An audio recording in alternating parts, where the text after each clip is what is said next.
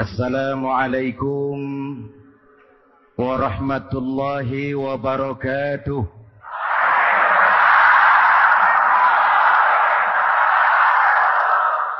الحمد لله والصلاة والسلام على رسول الله سيدنا محمد بن عبد الله وعلى آله وصحبه وموالاه أما بعد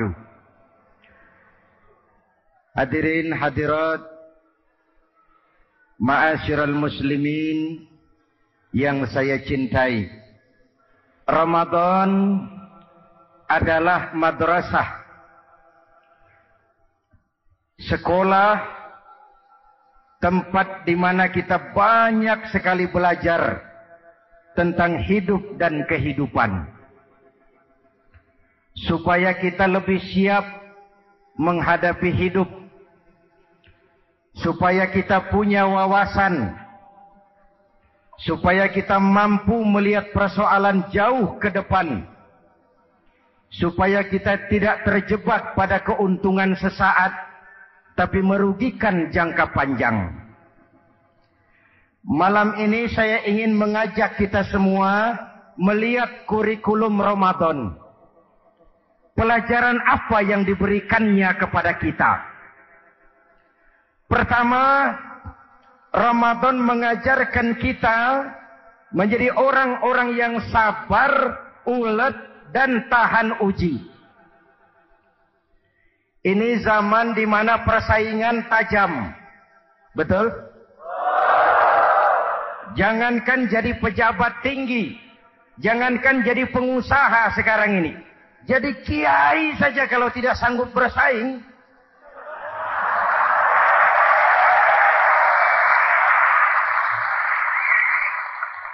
Ini bahasa kasar tapi jujur. Karena orang sekarang hidup di zaman banyak pilihan. Akibat persaingan yang semakin tajam, orang sering kehilangan kesabaran. Kepengen cepat kaya, lalu tidak sabar. Makan renten, nipu orang, buka peternakan tuyul,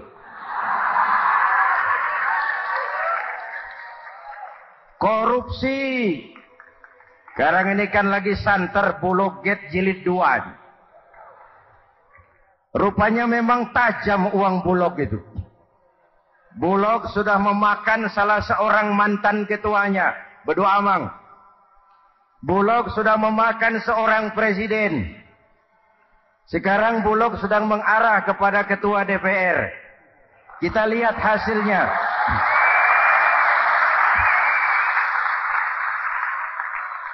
Tentu saja kita prihatin. Karena kita tahu ekonomi kita sedang sulit. Hutang melilit leher. Tetapi pada sisi lain kita melihat enak saja uang mengalir puluhan miliar untuk sesuatu yang tidak terkait dengan kepentingan rakyat.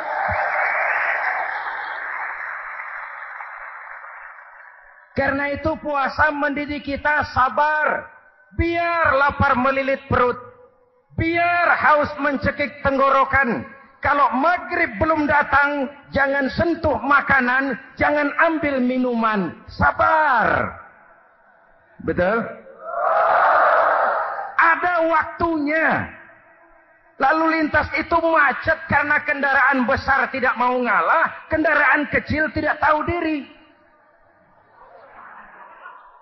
Betul antrian di pasar kacau karena yang sudah dapat nggak mau minggir, yang di belakang dorong-dorong.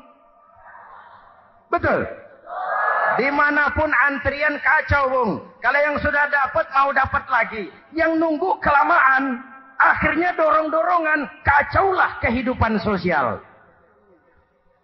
Puasa melatih kita sabar, karena sebagai bangsa kita punya latar belakang sejarah. Kita ini bangsa yang ditempa oleh segala macam kesulitan. Kita 350 tahun dijajah Belanda, sulit. Setelah merdeka, kita dirongrong oleh berbagai macam pemberontakan, susah. Lalu PKI berontak, susah lagi. Lalu berdiri Orde Baru, lama-lama-lama. Susah lagi. Orde Baru selesai, muncul reformasi. Masih susah juga. Kita bangsa yang ditempa oleh kesulitan. Bangsa yang tahan bantingan. Bukan bangsa yang cengeng. Karena itu mari kita menjadi diri kita. Kita akan gagal kalau kita mau jadi orang lain. Kita akan gagal kalau kita hidup di bawah bayang-bayang orang lain. Jadilah kita diri kita sendiri. Sabar, ulet, dan tahan uji. Inilah kurikulum pertama dari pelaksanaan ibadah puasa. Sehingga dengan dibekali sifat sabar, kita bisa mengendalikan diri. Manusia hebatnya ya. Ayo kita banding-bandingkan. Malaikat, binatang, manusia. Malaikat tidak diberi nafsu, hanya diberi akal. Kalau malaikat tidak pernah salah, wajar. Jibril nggak pernah korupsi ayat ah ini ada ayat bagus saya pakai sendiri saja ini. Tidak. Malaikat maut tidak pernah salah adres mencabut nyawa orang yang belum waktunya mati. Tidak pernah. Dan itu wajar. Malaikat makhluk tanpa alternatif. Secara instinktif dia diciptakan untuk taat. Sebaliknya binatang. Diberi otak tapi tidak diberi akal. Binatang hanya diberi nafsu. Kalau binatang tiap hari salah, wajar. Ayam, kalau sudah datang syahwatnya, tidak usah menoleh. Ini banyak orang apa tidak? Betul. Kuda keliling kota, tidak pakai celana, tenang saja. Betul. Dan wajar namanya juga binatang. Sedangkan manusia diberikan akal dan diberikan nafsu. Tiap hari terjadi perjuangan. Kadang akal menang, kadang nafsu yang menang. Ketika akal menang, kita lebih tinggi dari malaikat. Ketika nafsu yang menang, kita lebih rendah daripada binatang. Hadirin yang saya cintai. Itu pelajaran pertama. Sabar, ulet, tahan uji. Lalu pelajaran yang kedua, melahirkan sikap istiqomah. Punya stabilitas temperatur batin, istilah sekarang.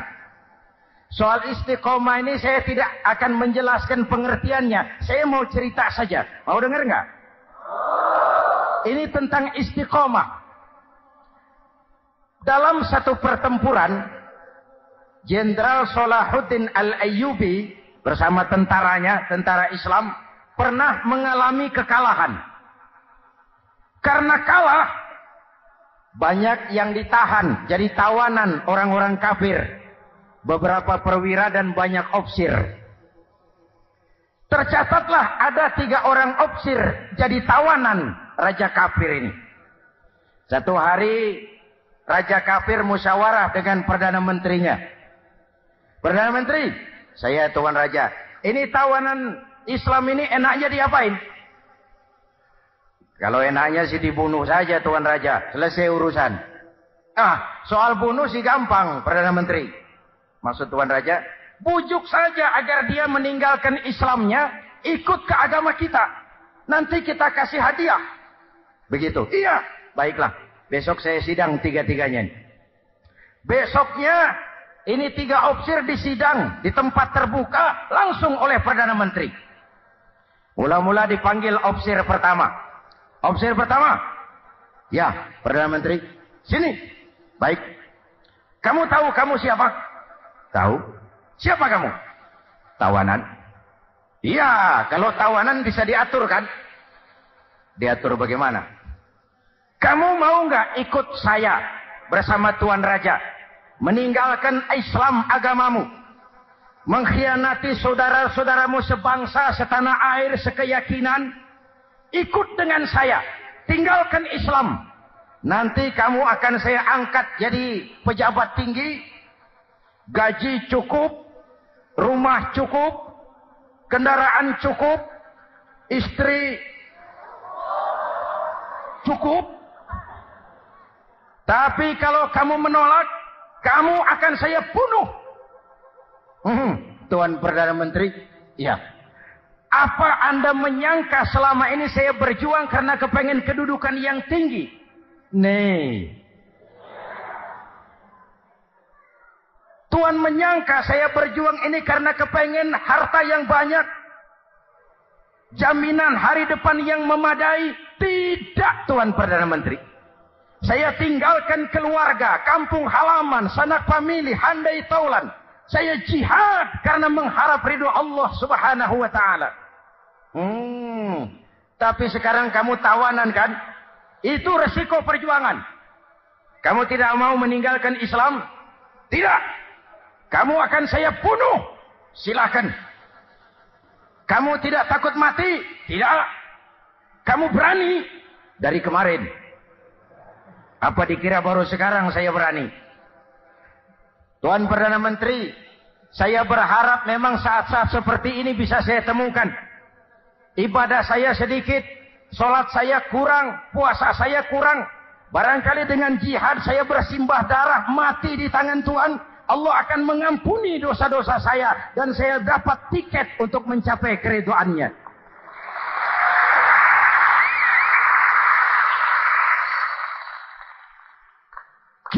Kamu.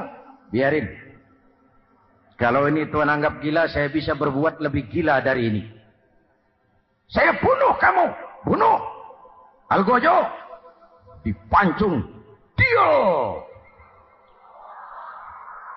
Ini terlepas kepalanya dari badannya. Menggeluntung kepalanya ke bawah. Jatuh bergelindingan. Itu kepala lepas dari badan ngaji. Baca ayat Quran. Sampai Perdana Menteri bingung. Minggir, minggir. Ini ada kepala ngaji. Ayatnya yang dibaca. Ya ayyatuhan nafsul mutmainnah. Irji'i ila rabbiki radiyatan mardiyah. Wahai jiwa yang tenang. Kembalilah kepada Allah dengan diridhoi. Masuklah ke dalam golongan hamba-hambaku dan masuklah ke dalam surgaku. Matanya terpejam rapat, bibirnya tersenyum. Dia gugur sebagai syahid karena membela keyakinan. Dia istiqomah, tidak goyah oleh tawaran jabatan dan kedudukan yang tinggi.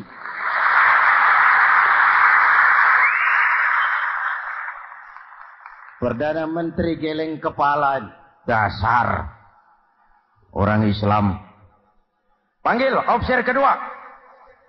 Officer kedua. Ya, Perdana Menteri. Kamu sudah lihat temanmu yang barusan? Sudah. Mati kan?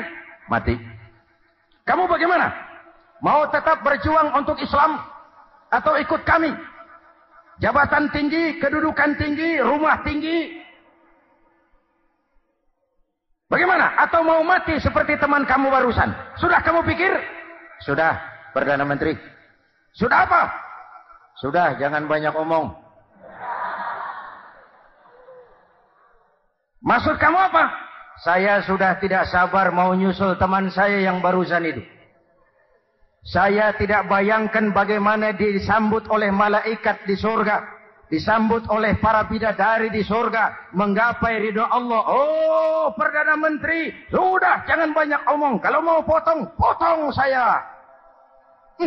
Perdana Menteri bilang ini lebih gila dari yang pertama. Yang pertama masih mau diajak ngomong, ini malah langsung minta disembelih. Ayo, Algojo, potong. Potong lagi. Dio.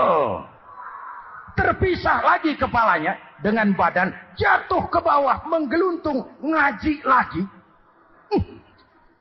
Ayatnya yang dibaca Wujuhun yawma izin nadirah ila rabbiha nazirah. Muka mereka hari itu berseri-seri kepada ridho Allah mereka memandang. Bibirnya senyum, matanya terpejam, dan dia ajal dengan husnul khatimah mendapat syahid karena teguh punya keyakinan istiqamah dalam perjuangan. Tidak goyang, tidak mencela dan mencele.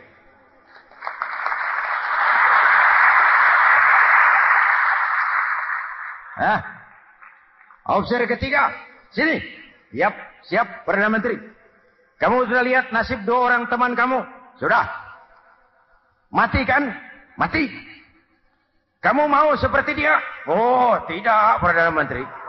Saya tidak mau mati. Daripada matikan lebih baik hidup. Kamu mau ikut saya? Mau, Perdana Menteri. Mau. Gaji besar, rumah besar, kendaraan besar, istri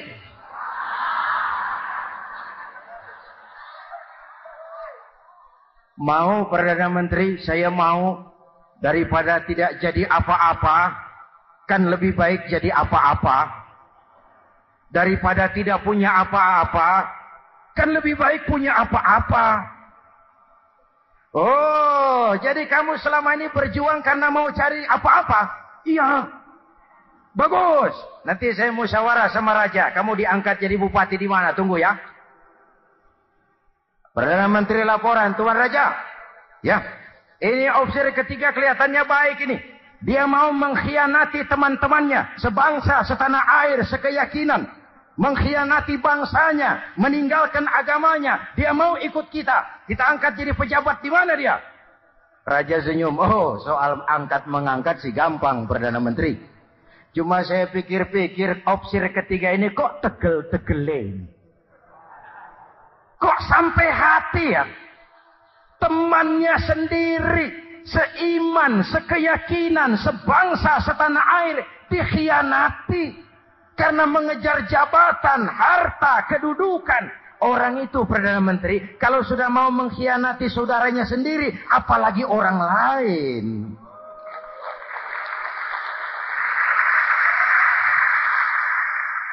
Ini opsir ketiga ini opsir bejat.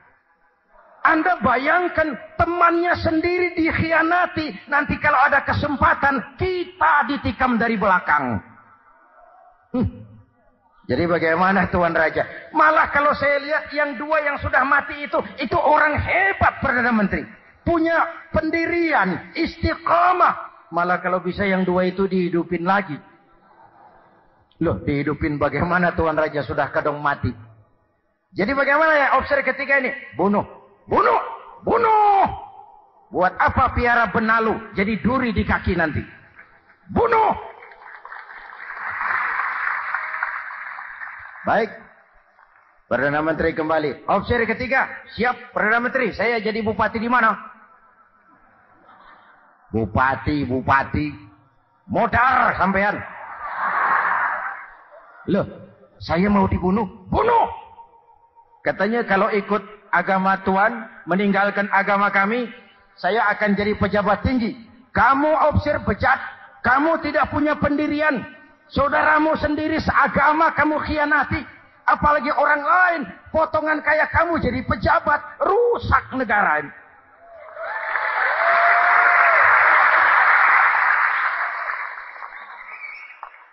Hadirin hadirat yang berbahagia. Saya lanjutkan cerita ini. Nanti kesimpulan diambil sendiri-sendiri. Jadi saya mau dibunuh Tuan Perdana Menteri. Ya, kamu mau dibunuh. Tidak jadi-jadi pejabat. Tidak. Kamu bejat. Bejat kok mau jadi pejabat. Nanti juga kalau kamu jadi pejabat paling kerjamu memperkaya dirimu sendiri. Paling banter keluargamu dan golonganmu. Rakyat tetap saja tidak terurus.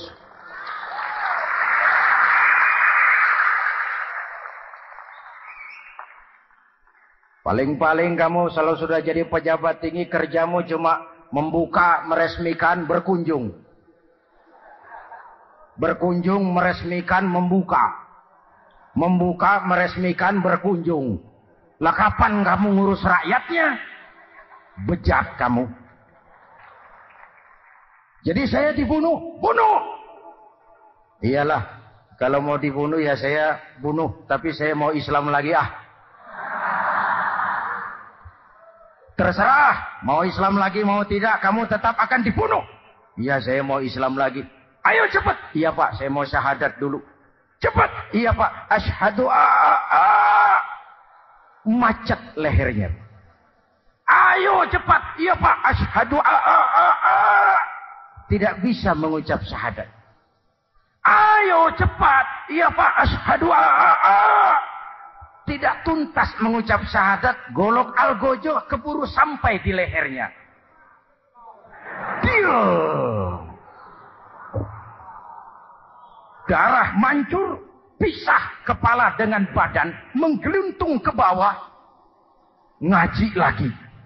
Wong dia bekas santri, masih bisa ngaji.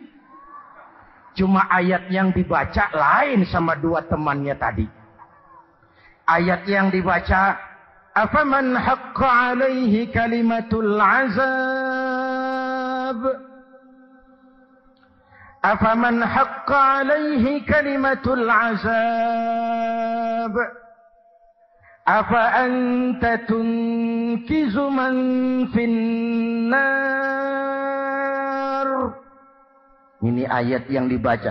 Orang yang memang sudah dapat ponis akan mendapat azab Bisakah kamu menyelamatkan dia dari neraka? Bertahun-tahun berjuang di bawah bendera Islam untuk kejayaan Islam. Di akhir hayatnya dia tergoda oleh kedudukan dan harta, oleh jabatan dan pangkat. Ia bergeser, imannya rapuh, hilang istiqomahnya, ditinggalkan agamanya. Dan dalam keadaan begitu dia mati, dia su'ul khatimah. Na'udhu. Hadirin, apa guna saya ungkapkan ini? Mari kita belajar. Perlu stabilitas temperatur batin. Saya sering katakan, berapa banyak orang waktu di bawah teriak-teriak. Berantas korupsi, ganyang korupsi, sikat korupsi. Cuma karena belum dapat kesempatan. Begitu dapat kesempatan, korupsinya lebih gila dari yang dia teriaki. Betul? Waktu di bawah rajin baca ayat kursi. Dapat kursi, lupa sama ayat. Betul? Betul? Ini yang memerlukan sikap istiqamah. Konsisten. Hanya dengan semangat seperti ini, maka kita tidak akan goyah oleh tantangan yang bagaimanapun beratnya.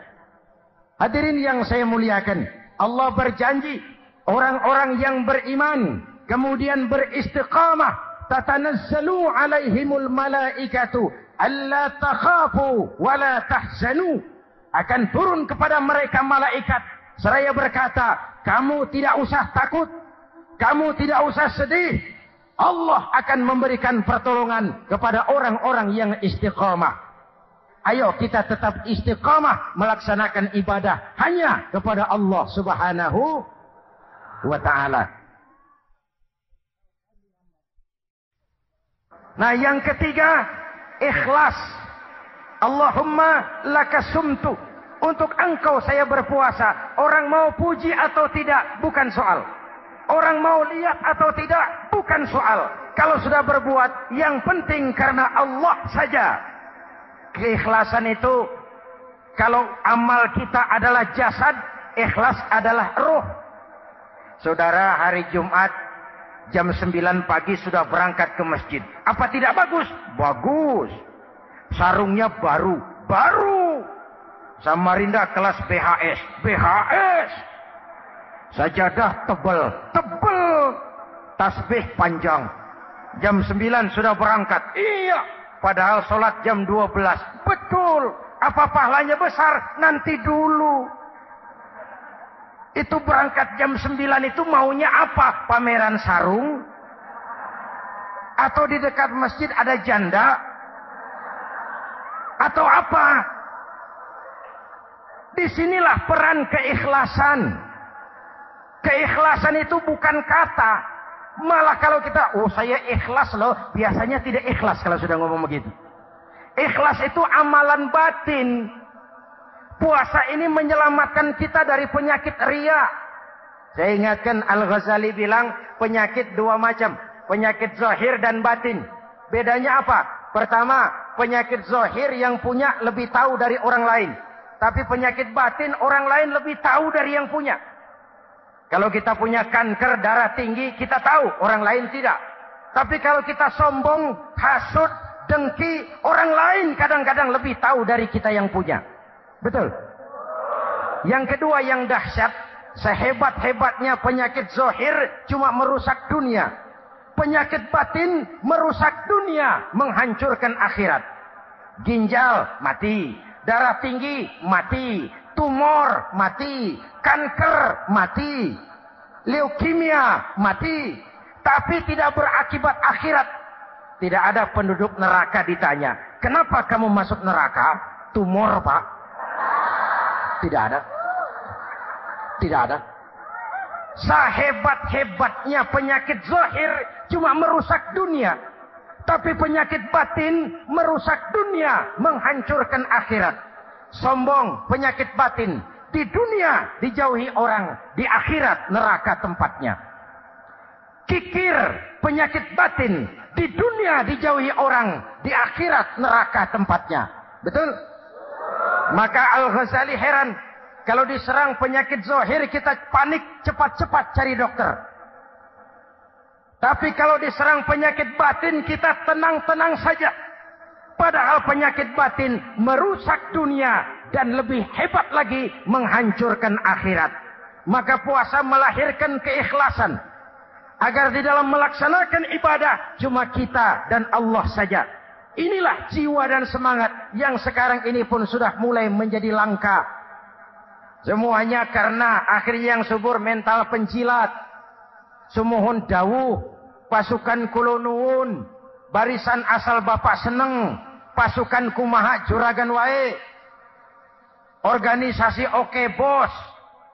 Kita miskin dengan orang-orang yang punya prinsip, yang berani berkata ya terhadap yang benar, sanggup berkata tidak terhadap yang tidak benar, apa dan bagaimanapun resikonya.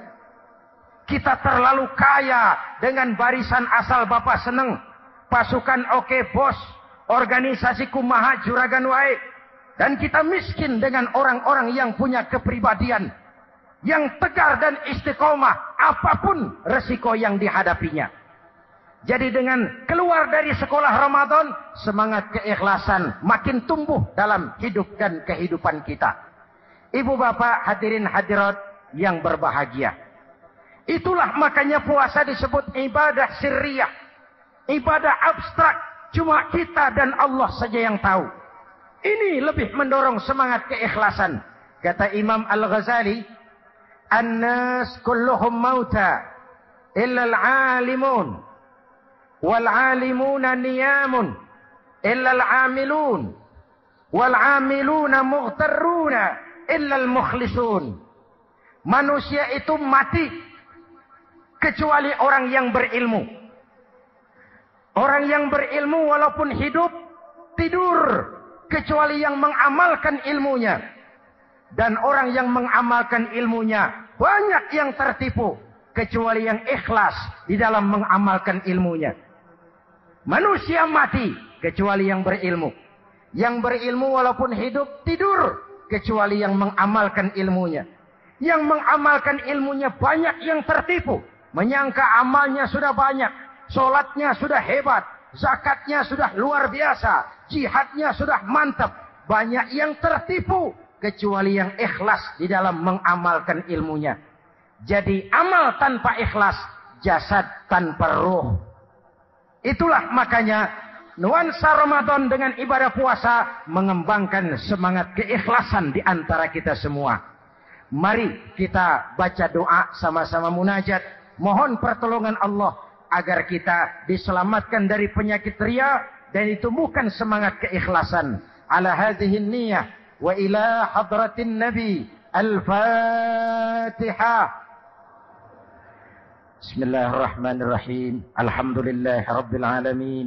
الرحمن الرحيم مالك يوم الدين. إياك نعبد وإياك نستعين. اهدنا الصراط المستقيم. صراط الذين أنعمت عليهم غير المغضوب عليهم ولا الضالين. أمين. بسم الله الرحمن الرحيم. أمين. الحمد لله رب العالمين. اللهم صل وسلم وبارك على سيدنا محمدين وعلى آله وصحبه أجمعين. اللهم اجعل جمعنا هذا جمعا مرحوما وتفرقنا من بعضه تفرقا معصوما. اللهم اجعل جمعنا هذا جمعا مشكورا وتفرقنا من بعضه تفرقا مغفورا. اللهم اجعلنا من السعداء المقبولين ولا تجعلنا من الأشكياء المردودين. ربنا تقبل منا صلاتنا وصيامنا وقيامنا وتخشعنا وتعبدنا وتضرعنا وتمم تقصيرنا برحمتك يا أرحم الراحمين اللهم أصلح من في صلاحه صلاح المسلمين اللهم أهلك من في هلاكه صلاح المسلمين Ya Allah, dengan sepenuh perasaan dan pengharapan, dengan segala keremahan dan kerendahan, kami bermohon kepadamu. Berikan kami kekuatan zahir dan batin. Berikan kami kesabaran dan ketabahan. Sikap istiqamah dalam mengerungi hidup yang penuh ujian ini. Karuniakan kepada kami pemimpin-pemimpin yang takut kepadamu dan sayang kepada kami. Rabbana hablana min azwajina zuriyatina kurrata a'yun. Waj'alna lil muttaqina imama. Afdalu ma kultuhu ana. Wan nabiyuna min qabli. La ilaha الله.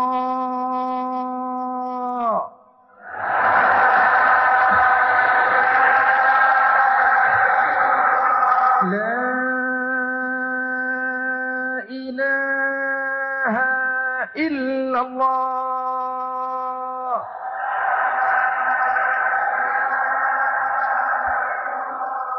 محمد رسول الله. Amin. كلمة حق عليها نحيا وعليها نموت وعليها وبها نبعث إن شاء الله من الآمنين. برحمتك يا أرحم الراحمين. صلى الله على سيدنا محمد وعلى آله وصحبه أجمعين. أنا ربك رب العزة عما يصفون. سلام على المرسلين. والحمد لله رب العالمين. السلام عليكم ورحمة الله وبركاته.